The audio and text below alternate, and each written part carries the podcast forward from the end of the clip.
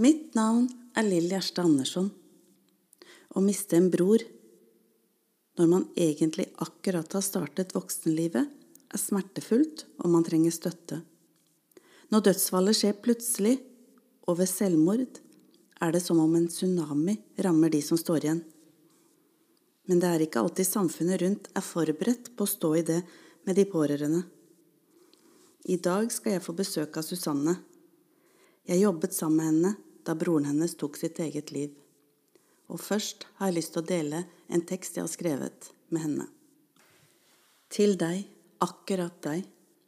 Akkurat nå føles alt helt mørkt. Ingen håp, ingen mål, ingen glede. Alle drømmer brast. Jeg ser deg, men du er ikke til stede. Akkurat nå er alt helt tomt.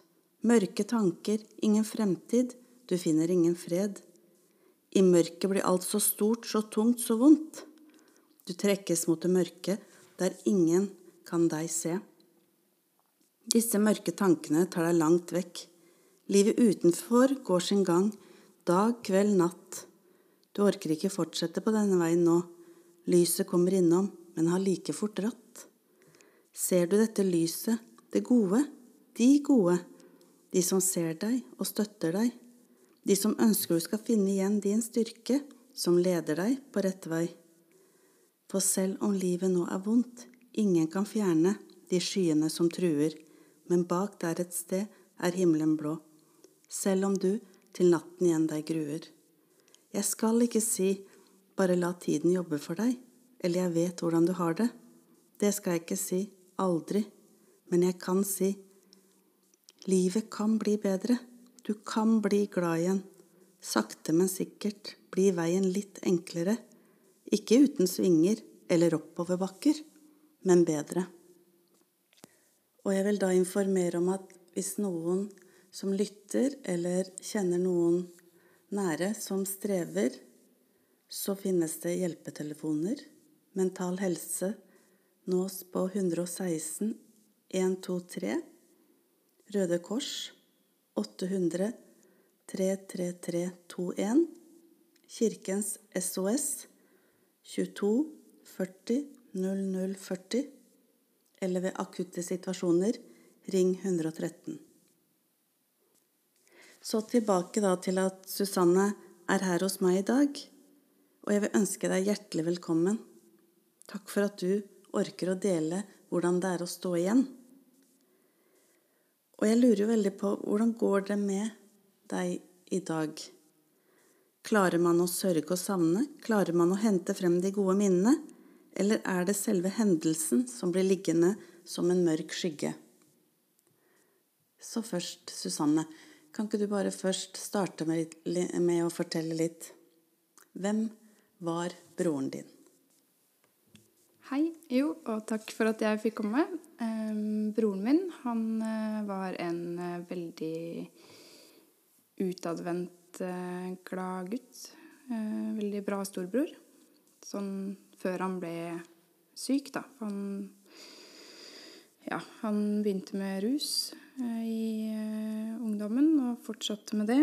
Og ja, vi kommer vel fra en barndom som har vært litt litt turbulent, hvor han tok mye ansvar hjemme.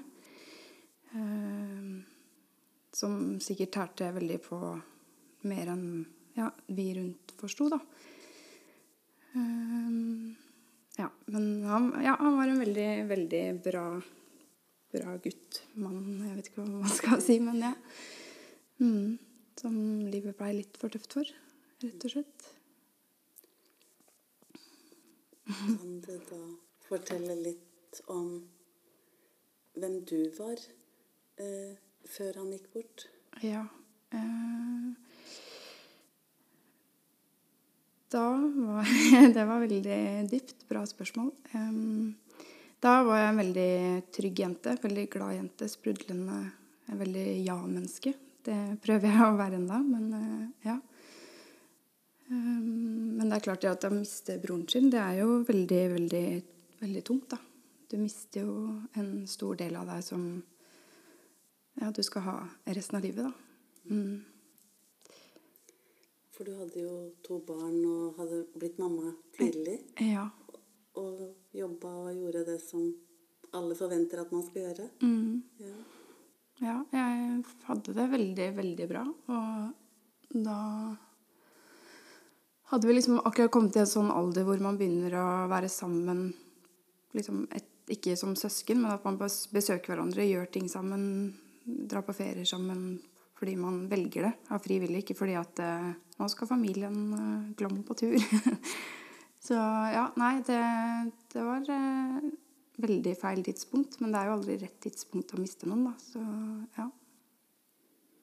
Klarer du å fortelle litt eh, fra du skjønner at nå forandres livet deres? Ja, eh, jeg, jeg syns jo det var veldig forandra når han begynte å bli syk, da. At man han, En del av han blei jo borte for eh, Ja, han røyka jo mye hasj og ja, tok etter hvert sterkere stoffer. Og når han Han hadde jo, det skal sies, han hadde vært rusfri nesten et år før han valgte å ta livet sitt. Men eh, etter det så kom det jo veldig mange andre hva skal jeg si, symptomer, eller han var jo schizofren, eller ja, hadde psykoser, og han var jo på et litt annet sted enn hva vi oppadgående friske mennesker er, på en måte. Så jeg følte jo at jeg mista, mista han på mange måter før han døde òg. Men hva var spørsmålet egentlig? Når jeg følte at det Ja, hvordan forstår man da at nå forandres livet så drastisk? Ja, det tar tid. Altså, jeg, jeg fikk jo en kjempereaksjon når han Når jeg fikk den telefonen at han var død. Eh, og jeg trodde på en måte at det kanskje skulle hjelpe å se han når han var død, da. For vi, fikk jo se han også. Men eh, ja. Nei, det, det tar tid. Og selv om du vet at han er borte, så har du ikke Du håper jo alltid Eller ja, det er et mareritt, eller Ja. Men eh, ja. Det, det Hva skal jeg si for noe? Det ble jo en drastisk endring hos meg, og jeg, jeg bare ga opp, jeg. Veldig, veldig fort. Jeg slutta å spise og slutta å sove og ja. Var egentlig ganske feig, vil jeg si, da. Sånn takla det på en veldig dårlig måte. Men eh, Tror du det var en skyldfølelse som ja. Det, det var det jo. Det var veldig Veldig mye skyld rundt det, for eh, ja, jeg var jo med han bare noen to dager før. Da var vi jo på ferie sammen eh, på hytta i Sverige. Som i utgangspunktet er sånn fristed. Vi elsker jo alle i familien. Er vel sånn Hytta i Sverige det er sånn fristed hvor vi bare samler krefter og ja, har det veldig bra. Og det var jo derfor vi også valgte å dra dit sammen. Eh, og jeg så jo at han sleit, og det har jo ikke vært noe det var jo ikke noe overraskelse at han, at han hadde problemer. Men eh, han virka liksom så rolig, så det var akkurat som at jeg på en måte senka skuldrene litt. Grann. Og ja, når vi skulle hjem, så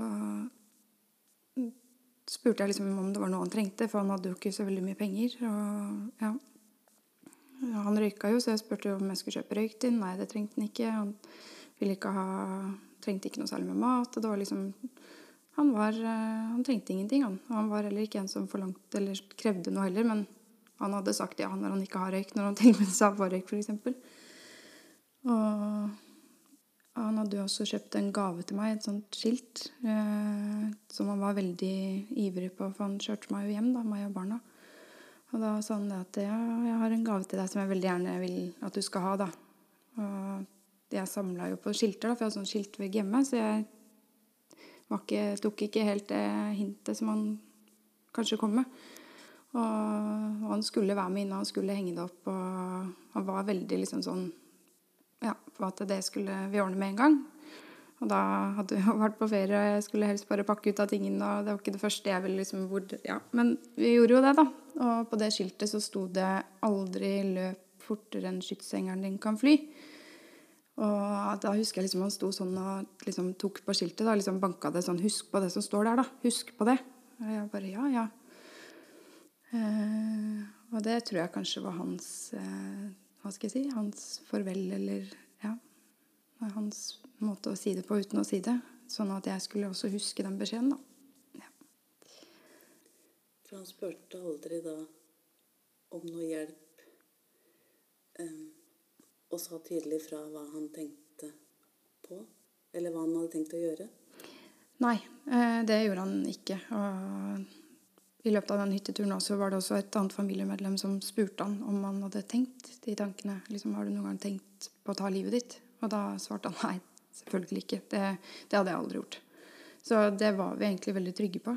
Og jeg tror, eh, jeg tror ikke det at de som på en måte velger å avslutte livet sitt, sier det til noen. Med mindre det er et rop om hjelp for å ønske å bli redda, på en måte. Og det Det var nok noe han hadde bestemt seg for eh, lenge. Det Ja. Så det tror jeg ikke noen hadde klart å stoppe, med mindre man hadde kommet inn der og da og kunne gjort noe, eller Ja. Mm. Og så skal man jo Vi kan gjerne snakke litt om hvordan du hadde det rundt det etterpå, men jeg bare tenker liksom sånn man skal planlegge en begravelse og gjøre de tinga, følge han til det siste hvile, som det heter. Hvordan er det når den personen har valgt å ta og sjøl dø, da?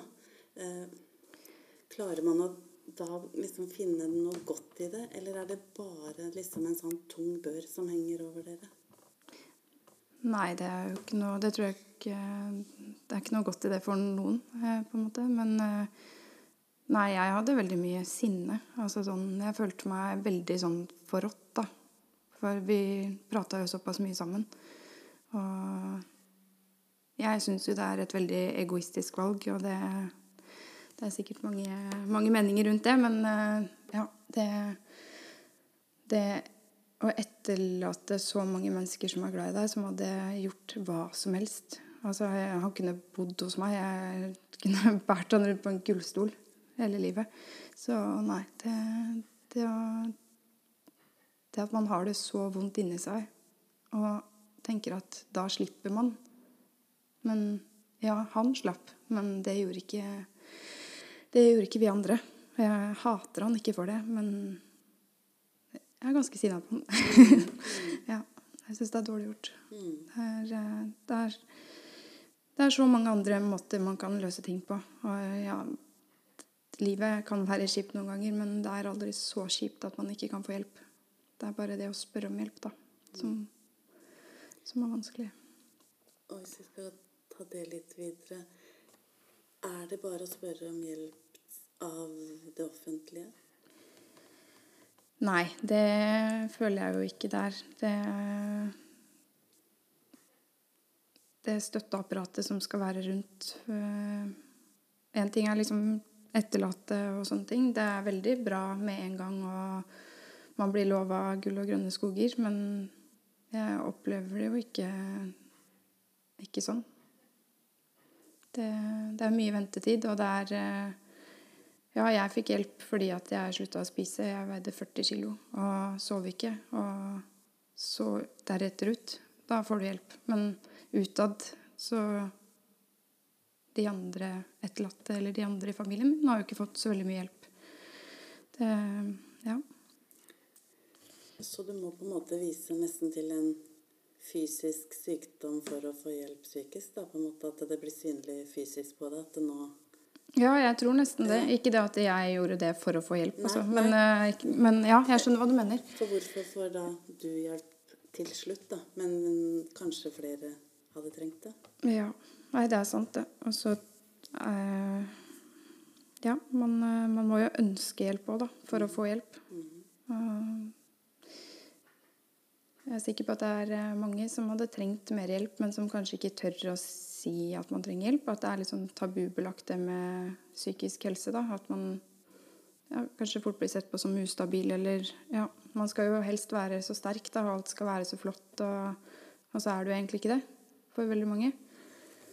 Så Og skal du få vise den styrken din, så må man kanskje også ha kjent på svakheten og mm, ta tak i det vanskelige. ja. Men eh, jeg jobba jo litt sammen med deg, som jeg sa, og jeg husker du tok eh, veldig mange tatoveringer.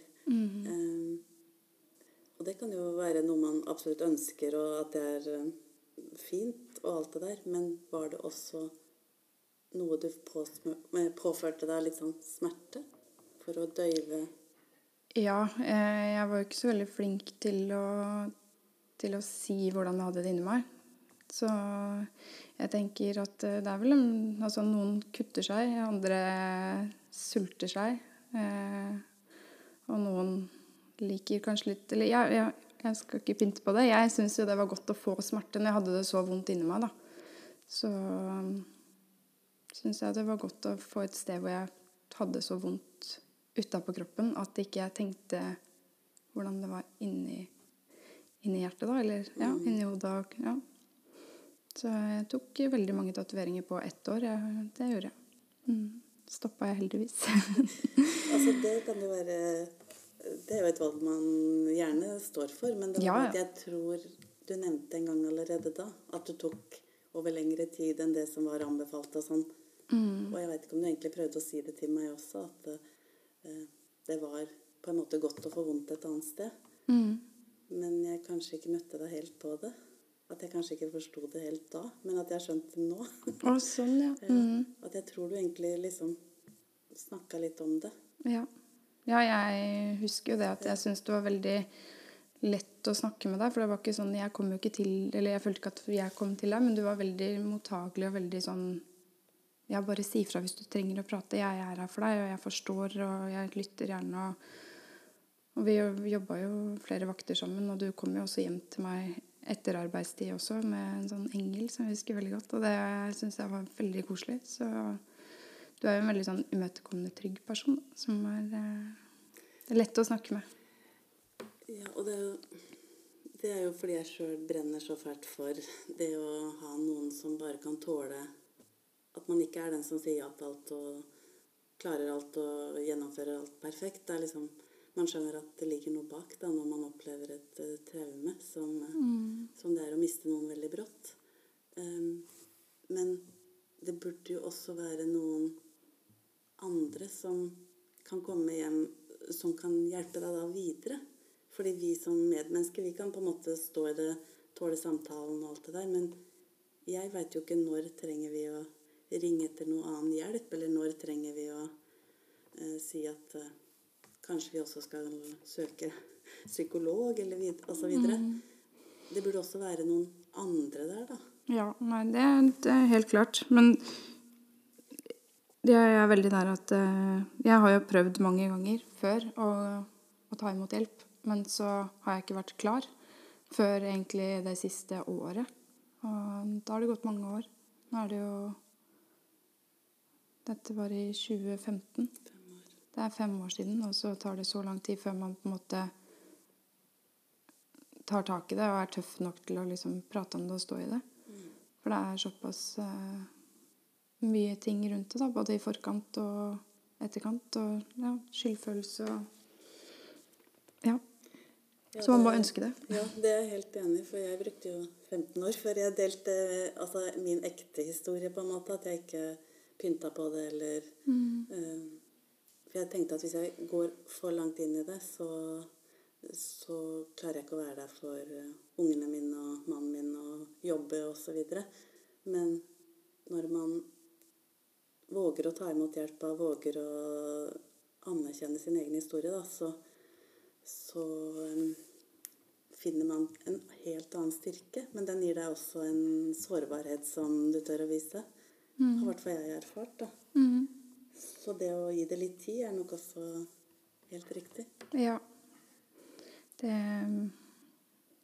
det, det, det trenger jo tid. Altså, sorgprosesser er jo mange prosesser man skal gjennom, og det er jo mye Man skal være der for mange andre også i tillegg, samtidig som man skal Jeg har i hvert fall vært veldig fælt å ta på meg en sånn maske og bare Nei, nei, det går fint, og ja, jeg har det så bra, og det, det har jeg sagt flere ganger enn at Nei, i dag syns jeg i dag er en litt tung dag, eller jeg har sovet lite i natt, eller Ja. Men det er jo sånn generell allmennplage, det å sove dårlig, da, så det var litt dårlig, men ja, ja. Så det er liksom det at man ikke man har, Jeg er ikke så veldig glad i å klage, da. Nei. Men jeg kan godt høre på andre klage. Ja. Men uh, ja.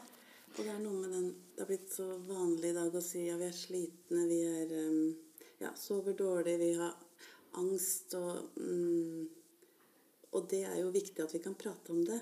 Men det er så stor forskjell på en slitenhet når den er en sorg og en sånn traume hengende over. Ja. Eh, Det er ikke så sliten som om du har vært på gymmen, liksom. Det er Nei, det er en annen type helt- utmattelse, Ja, rett og slett. ja. Sånn at, men man har jo ikke lyst til å si det, for da er man liksom i den kategorien at eh, Å ja, hun orker ikke noe. For i neste øyeblikk så orker man jo veldig mye. Mm. Ja. Fordi man har så mye på hjertet eller energi, da. Ja, og så kommer det helt an på hvem man er med. For noen kan man på en måte bli veldig sliten av på en annen måte enn eh, Ja. Men eh, ja, for min del så Ja, hva skal jeg si? Jeg syns jo selv at jeg takla det veldig, veldig dårlig. Og Skiptvet er jo et lite sted. Så Ja, jeg følte meg jo veldig sånn Jeg følte at folk på en måte så på meg som hun derre ustabile, anorektiske jenta som mista broren sin, som bare forsvant, på en måte. Og det, det gjorde jeg òg. Jeg følte på mange måter at jeg forsvant veldig. For jeg dro jo ned rullegardina, skrudde av mobilen, skrudde av lyset, lukka døra. Jeg stengte jo alle ute eh, veldig lenge. Så mm, det å føle på det når man på en måte har blitt sterkere og kommet seg opp, da. Det å da skal møte omverdenen, og så føler du deg bare dum når du går på butikken. Fordi du føler at folk ser på deg, men de gjør jo ikke det. De vet, visste sikkert ikke hvem jeg var engang. Men eh, ja, så det sånn, Litt sånn sosial angst, det har jeg følt på mange ganger. Sånn Ja. Det, det er ikke noe gøy. Og så er det jo det at dere er mange berørt. Som Mm. du snakka om, du ønsker å hjelpe flere i familien og litt sånn. Eh, Er det da i dag akseptabelt å prate om det å miste en bror på den måten? Eh, overfor de i familien, tenker du på? Nei, tenker jeg sånn- mer sånn at det gjør det også at dere blir litt sånn som familie, føler dere utafor i anropstegn? Nei. Det, jeg føler ikke noe på det. Jeg er ikke noe skamfull over, over det, på en måte. Det, det er bare kjipt, på en måte. Eller, ja. Ja. Så, men jeg føler ikke noe Nei. For man skal jo ikke så mange år tilbake til at det, det blei ikke snakka om, på en måte, det å miste ved selvmord. Um, tror du det er bra at man kan snakke om det? Ja, eh, jeg tror det er bra at man kan snakke om det, sånn at man kan på en måte hjelpe andre, da. Eh, Sånn som pappaen min, han fikk jo veldig tidlig beskjed av en terapeut at eh, at du må huske på det at når du har mista ett barn, så må du regne med at det går et barn til som også velger å ta selvmord. Og det her var noe han gikk og bar på seg, eller bar inni seg veldig lenge. Jeg fikk vite det for eh, under et år siden. Og det forklarer jo veldig hans oppførsel, på en måte, for han har vært veldig bekymra, veldig sånn Passer veldig på, da. Det, men bare på en god måte. Det er ikke noe sånn overhysterisk. Men jeg tror det har vært veldig vondt for han å takle, å få den beskjeden. Så ja, det er eh, visse ting man sier, og så er det visse ting man ikke sier til pårørende, da. Selv om det er sikkert kjempevanskelig å skal være i samtaler og ja, spørre om de riktige tingene. Men det, ja, det er ord som aldri skulle kommet ut, i hvert fall. For eh, jeg tenker heller at det er ja, stikk omvendt. Det Jeg kunne aldri, uansett hvor vondt jeg det, så kunne jeg aldri ha gjort de rundt meg så vondt. For da vet jeg jo på en måte selv hvor eh, jævlig det er, da. Når, eh, når du mister noen som du er så glad i. Og ikke bare at de dør, men at de velger å ikke være en del av familien lenger. Eller velger å ikke leve mer, rett og slett. da. Så ja. Hvordan opplever du eh, at ting kan være bra over flere dager? Du kan kanskje klare å minnes eh, Fredrik, broren din, på en god måte.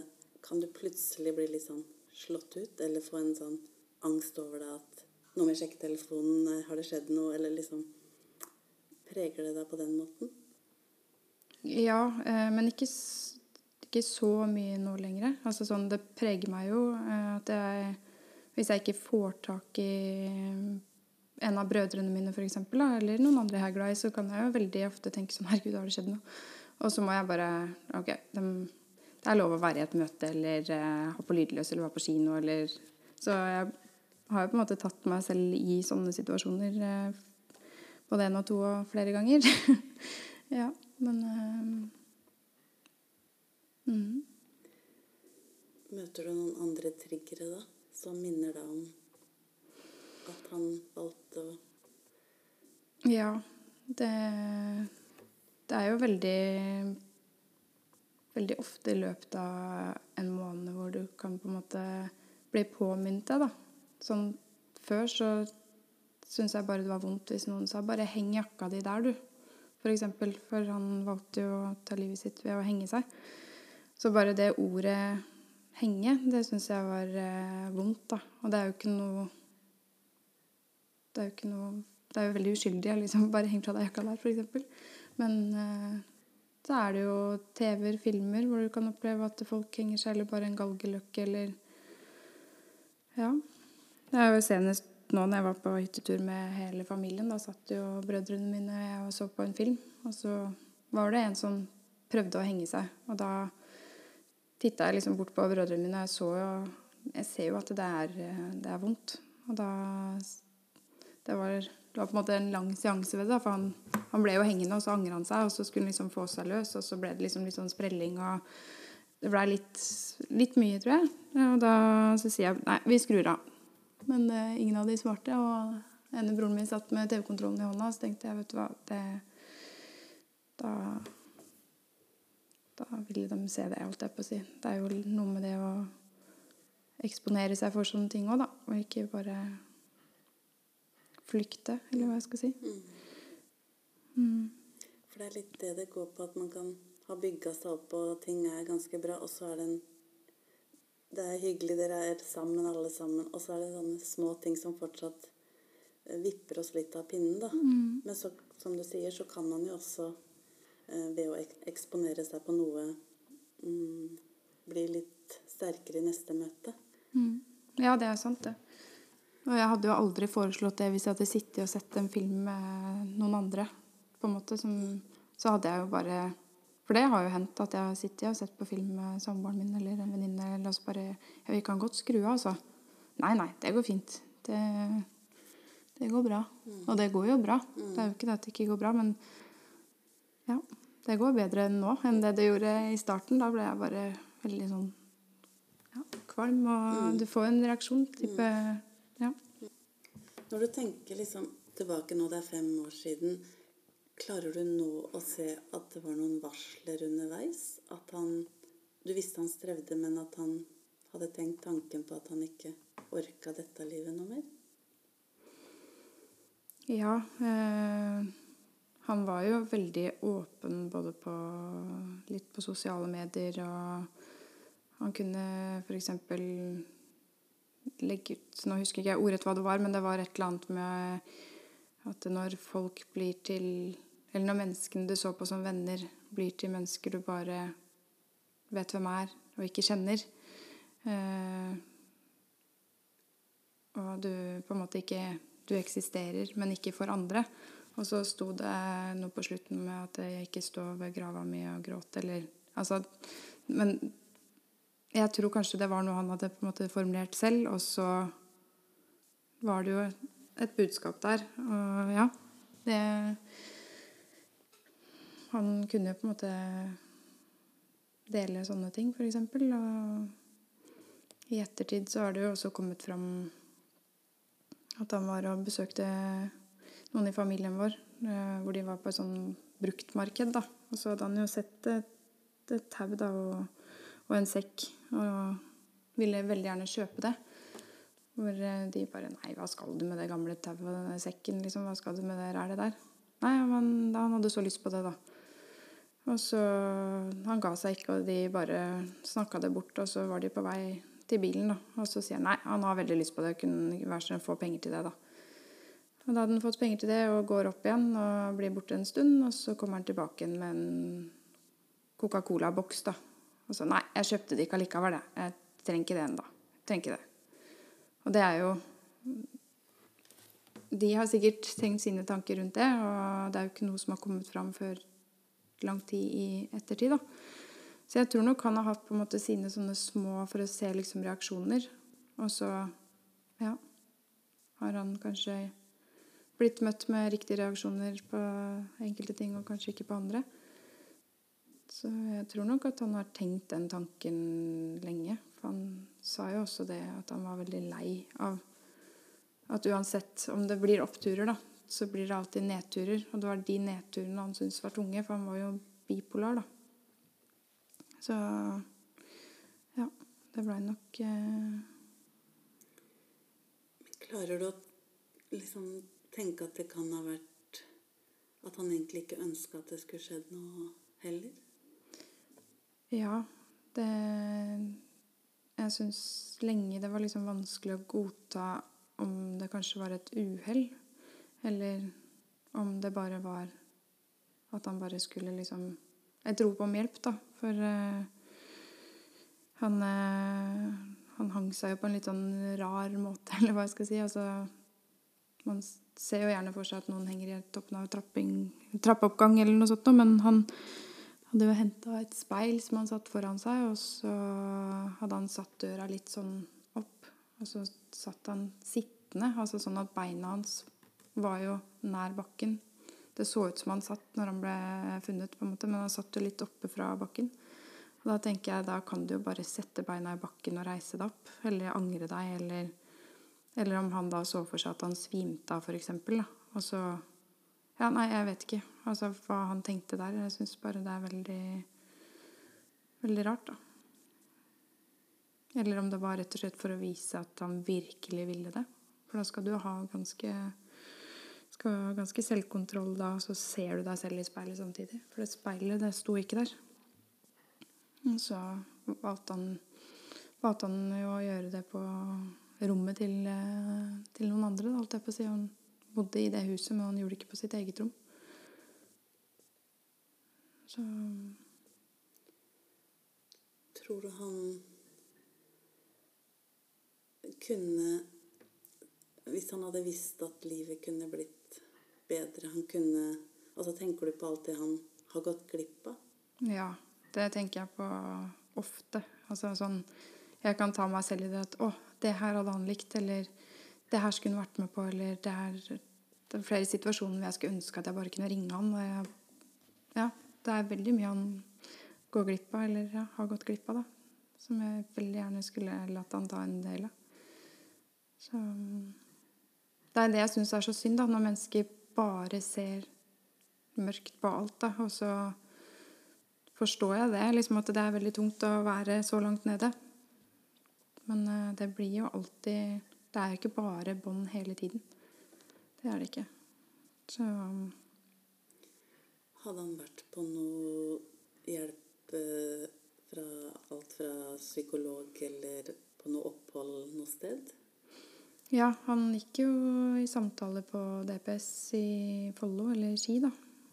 Um, og der var vi jo i ettertid også for å prøve å få ut papirer.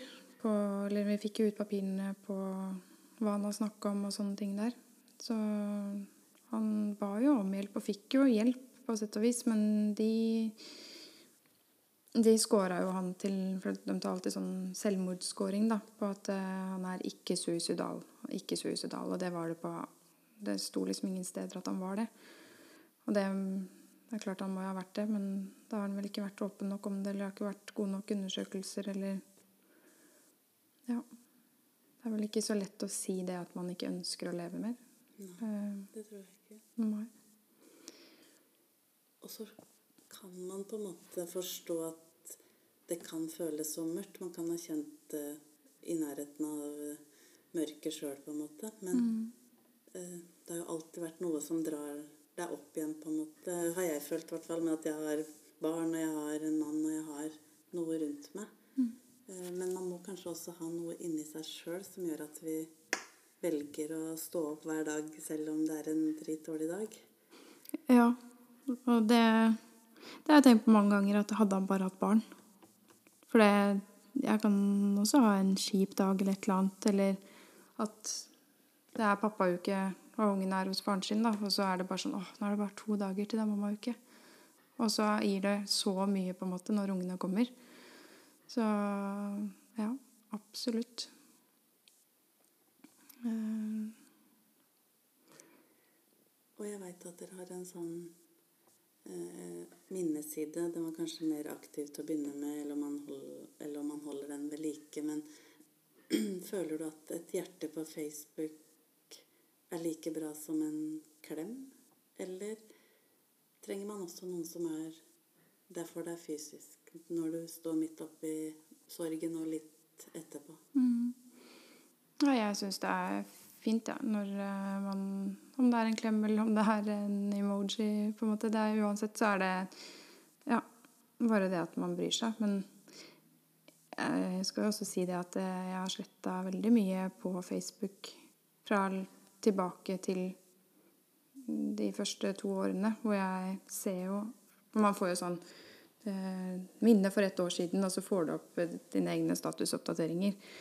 Og ja, det er jo ting jeg har sletta fordi at jeg har tenkt at uh, gud, hvor mye skal du dele, liksom? Eh, å nei, nå er det ett år siden, og nå kunne du blitt 27 år, nå hadde du blitt 28 år. Altså, det, det kan heller jeg tenke for meg selv. Jeg trenger ikke ta bilde hver gang jeg er på grava, eller hver gang jeg hører en sang på radioen som bare Nei, gud, nå Dette minte meg om min bror, og det var, eh, det var nok et tegn, eller Ja, nei, så man er nok i mange rare faser, og de fasene kommer jo opp når man da har delt de på Facebook. Så det, jeg deler ingenting på Facebook lenger, omtrent. Altså Nei. Og det, det tenker jeg er helt greit. Hvis jeg har lyst til å minnes han eller tenne et lys for han, så trenger jeg ikke å livestreame det. Ikke at jeg har gjort det, men ja. Men Susanne, du var veldig ærlig med det å snakke om hvordan man kanskje straffer seg sjøl, eller man vil sørge, men man får det ikke helt sånn ut følelsesmessig. da, Så man slutter å spise, man tatoverer seg mer enn man kanskje har godt av i mengder eh, om gangen. Og ja, du straffa deg på den måten. Og så tenker jeg da Da begynner det å handle om at den psykiske helsa di eh, trenger å bli tatt vare på. Eh, hvor, eh, hvor fikk du hjelpen? Eh, først så fikk jeg jo hjelp ved at eh, faren min var veldig sånn på. Han var veldig flink til å følge meg opp og så jo at jeg sleit. Og hvor han spurte om ja, kan jeg, kan jeg snakke med legen din, på en måte? Er du ærlig med legen din om hvordan du har det? Og så det begynte jo egentlig der, at han prata med legen min, og så til slutt så ringte han til DPS, så rådførte seg litt der da, med hva som, hva som var lurt å gjøre. Og da, da blei jeg til slutt eh, lagt inn etter en vurdering der.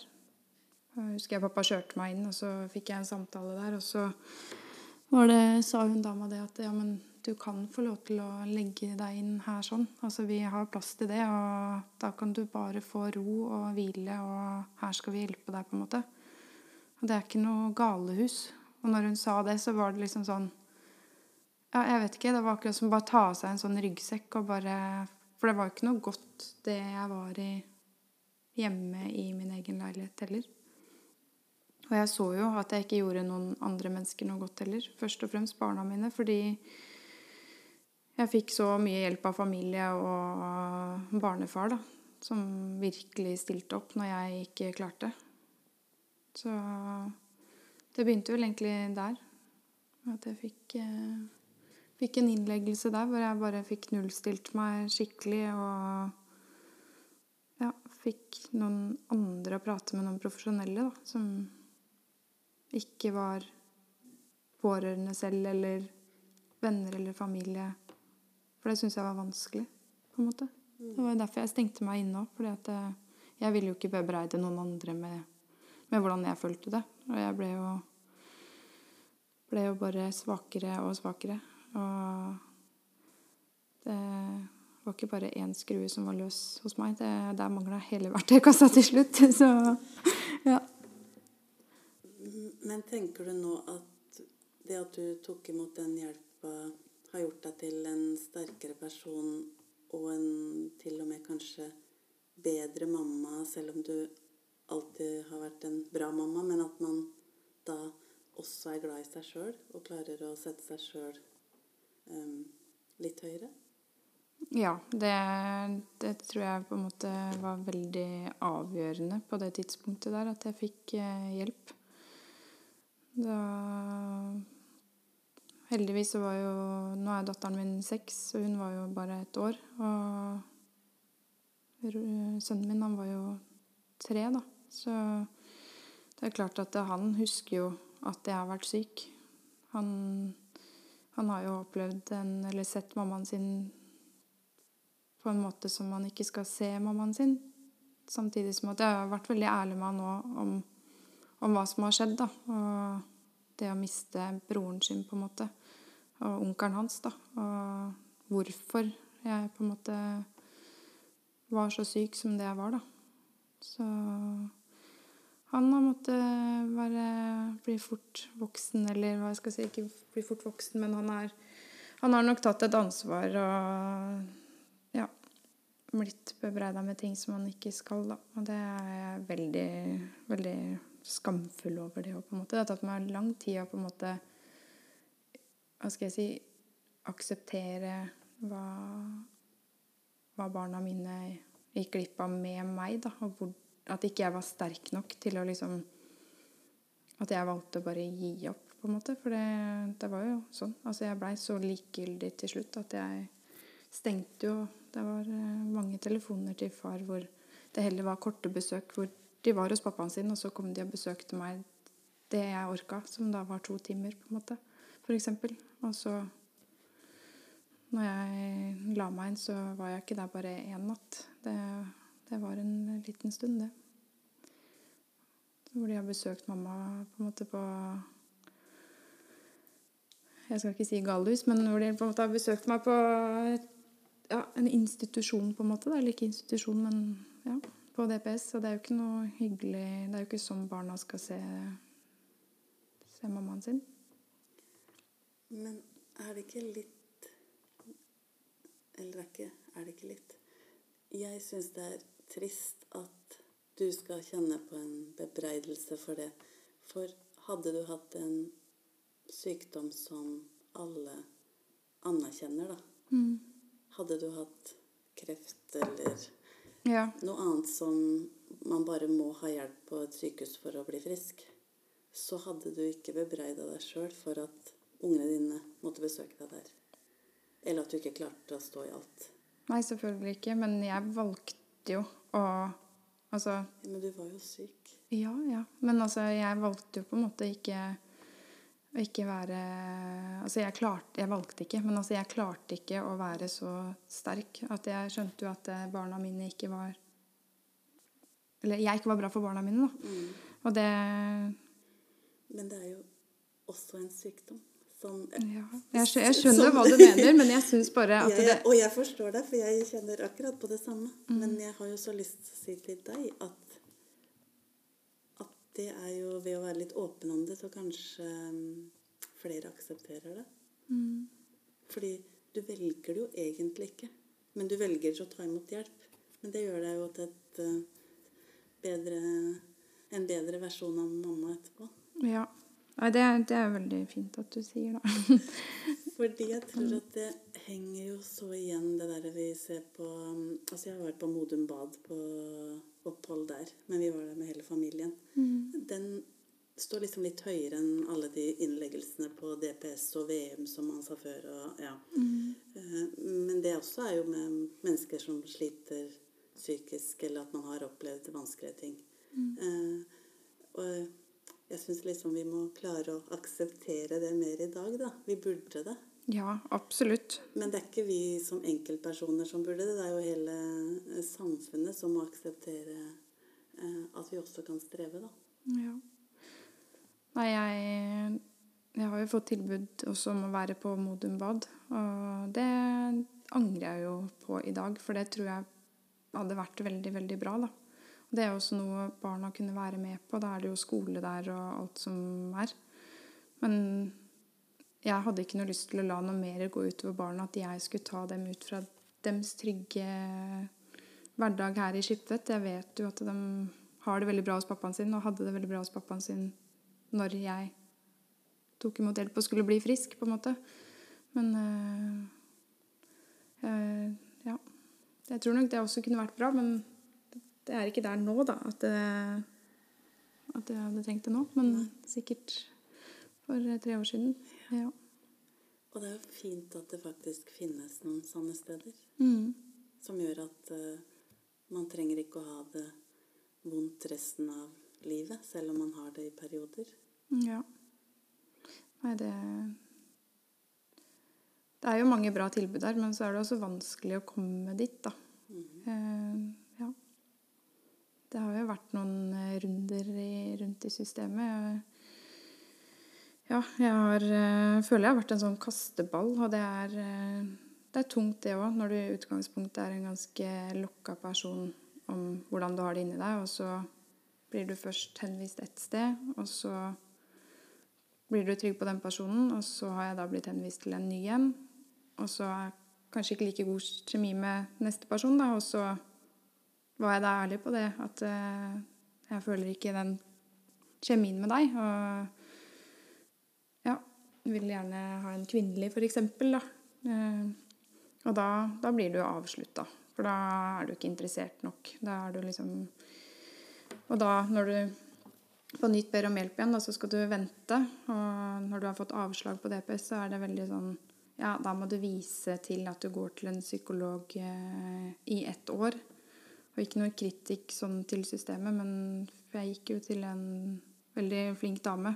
Men hun var egentlig ruskonsulent, hun var ikke psykolog. Og det er greit nok. Det er ikke det at hun måtte være psykolog, men det sier litt bare om på en måte systemet, da, at man bare blir liksom satt satt til det som er ledig av kapasitet. Men det er jo bedre enn ingenting, så jeg er jo ikke utakknemlig.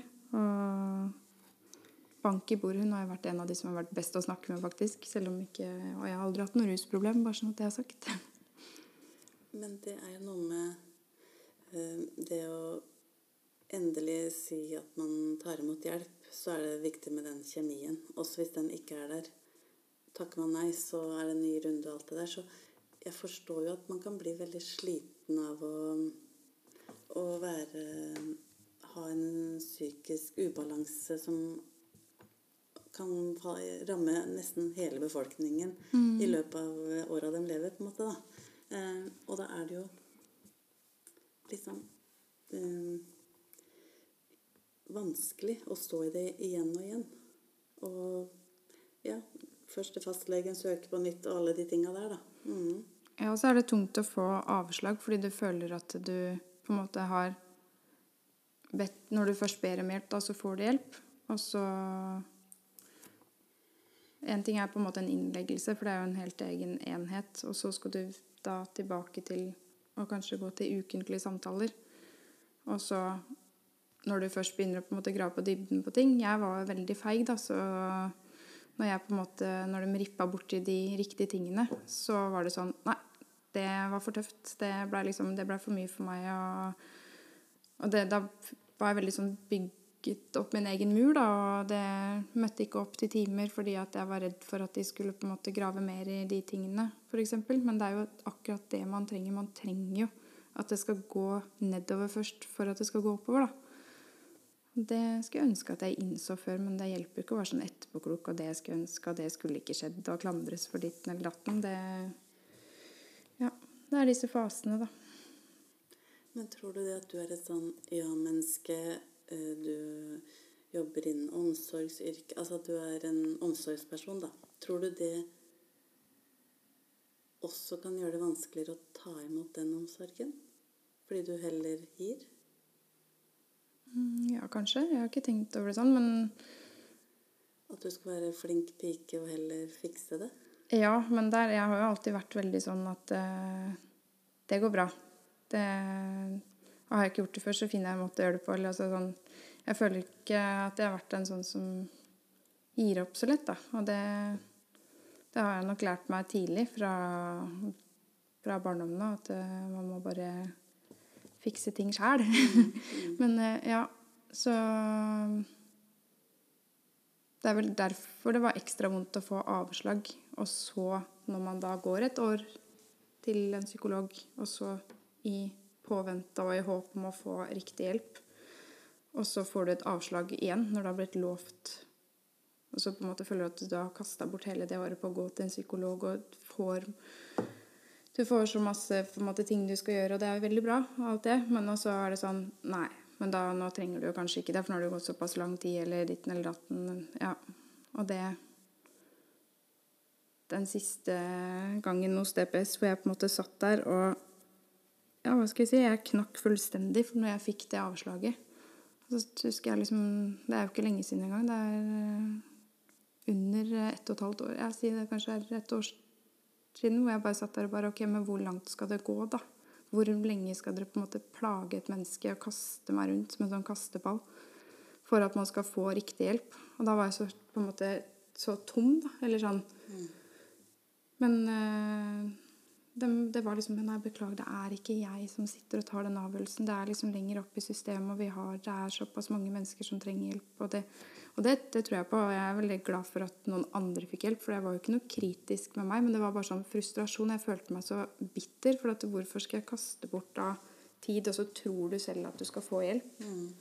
Men det blei på en måte sånn vendepunkt at ok, greit, da trenger jeg ikke hjelp. Da, da er ikke jeg syk nok til at jeg trenger hjelp. Men eh, da, da var det jo eh, Sa de det at det er ikke det at du ikke skal få hjelp, men du får ikke hjelp her på distriktspsykiatrisk på en måte her hos DPS. Men da har jeg kommet til en dame i Spydberg istedenfor, som er helt fantastisk. Veldig sånn opptatt av mindfulness og meditasjon og Ja. Vi har en veldig god kjemi, så det er jeg veldig glad for.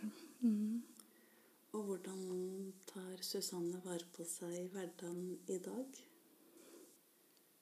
Spiser og sover. Nei da. Nei, jeg, jeg gjør ting som gjør meg glad, og er med mennesker som gjør meg godt. Og er veldig sånn var på Hva skal jeg si for noe? Hvis negative mennesker eh, på en måte, Eller ting som jeg ikke har lyst til, det sier jeg nei til.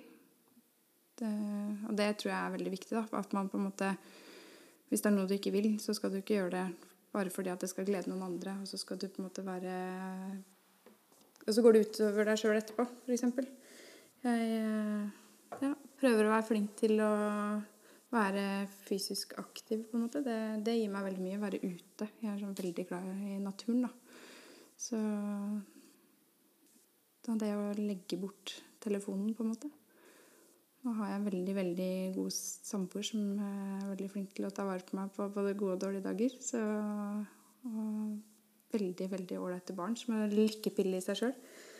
Så ja, det er det å komme seg opp om morgenen. Og ut og sykle en tur eller jogge en tur, så er dagen helt annerledes enn om man på en måte våkner og Alle har dårlige netter. Alle sover dårlig. Da skal man ikke snu seg rundt og sove en time til. Da er det bare å komme seg ut av senga. Har du noen verktøy hvis det skulle blitt en dårlig periode igjen?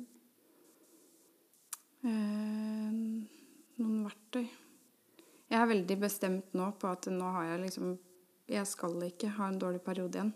Så jeg har ikke noe verktøy på det, annet enn at jeg følger de tingene som jeg vet gjør meg godt. Da. Jeg vet på en måte hva som gjør meg sliten, og hva som gjør meg gjør meg trist og lei, på en måte. Så jeg, unng, jeg er veldig Jeg er nok litt sånn rigid og litt sånn nazi på det, for uh, Ja. Men det, det, er viktig, og det funker for meg og de, de jeg har rundt meg, på en måte. Mm. Men uh, hvis jeg skulle på en måte kjent på at jeg hva skal jeg si, hvis jeg skulle skjønt på at man kommer så langt ned igjen, så får man bare ta seg selv i nakken, da. Det hjelper ikke å gi opp, i hvert fall. Jeg vet i hvert fall hva jeg ikke skal gjøre. Ja. Ja. Hvis det er noen ute nå som hører og kjenner noen som de ser strever, eller de gjør det sjøl, hva, hva vil du si? At det alltid finnes håp. At det er eh, Det er vanskelig. Livet går opp og ned, og det er, eh, det er veldig mørkt noen ganger. Og det at man skal liksom tåle å stå litt i det, og være flink til å snakke med de rundt seg. For det å be om hjelp eller si at man har det vanskelig, eller eh, bare banke på døra hos noen på en måte som, Hvis man ser noen som har det vanskelig, så er det så lite som skal til da, for å på en måte For at det skal hjelpe. Og det koster så lite. Og kanskje man blir avvist, men da kan man prøve igjen en annen gang. Ikke ta det personlig. Eh, ja. Bare det å ja, rekke ut en ekstra hånd, da, eller gi et ekstra smil, eller Ja. Det tror jeg er veldig viktig. Så er jeg veldig opptatt av det med, med meditasjon, på en måte. Det gir meg veldig mye, i hvert fall. Altså Hvis jeg har en dårlig dag, så setter jeg på YouTube. Det er bare å søke på meditasjon. Og så tenner jeg noe lys og bare kobler ut litt igjen. Og det hadde ikke jeg gjort for to-tre år siden. Da hadde jeg bare Herregud, jeg er sånn der eh, healer-folk som er helt ute å kjøre. Men eh, det er, det er faktisk godt. Det er bedre det enn å ja, ha det tungt. da. Og da tror jeg Jeg tror på deg, liksom. Du, jeg ser det på deg, og jeg tror på deg. Og jeg tenker at det kanskje er at du har virkelig jobba med deg sjøl, da. Da kan man også finne eh, støtte i meditasjon, pusten. Altså finne den indre styrken din. Ja. Mm. Du er veldig, veldig tøff og modig, Susanne. Jeg har bare kjøpt en sånn liten kopp til deg som, eh, som forteller litt om at eh, du er ganske modig som tør å Herregud, så søt du er. Denne dama er rå. Det er jo du som er rå, da. Var det. Det var veldig, veldig koselig. Og så veit jeg jo at du har eh, kjøpt boka før, for du har jo vært på, på lansering og litt av hvert. Det husker jeg du, du satt langt foran, foran da. Mm, er husker jeg du var en veldig god støttespiller. Det er veldig koselig å høre. Heia, heia veldig på meg. Og da er den til deg. Så kan du gi den til noen som du kanskje tenker trenger den. Tusen hjertelig takk. Det, jeg synes det var skikkelig koselig. Og så er det veldig leit at vi fortsatt ikke kan gi hverandre en klem, men sånn er det denne tida her. Ja. Men eh, jeg vil avslutte med å si det med Strever du eller noen du kjenner, så ring Mental Helse på 116 123. Og er det akutte situasjoner, så ringer man 113. Men, Eller en god venn. eller en god venn. Ja. Helt enig. Men tusen takk. Tusen takk skal du ha.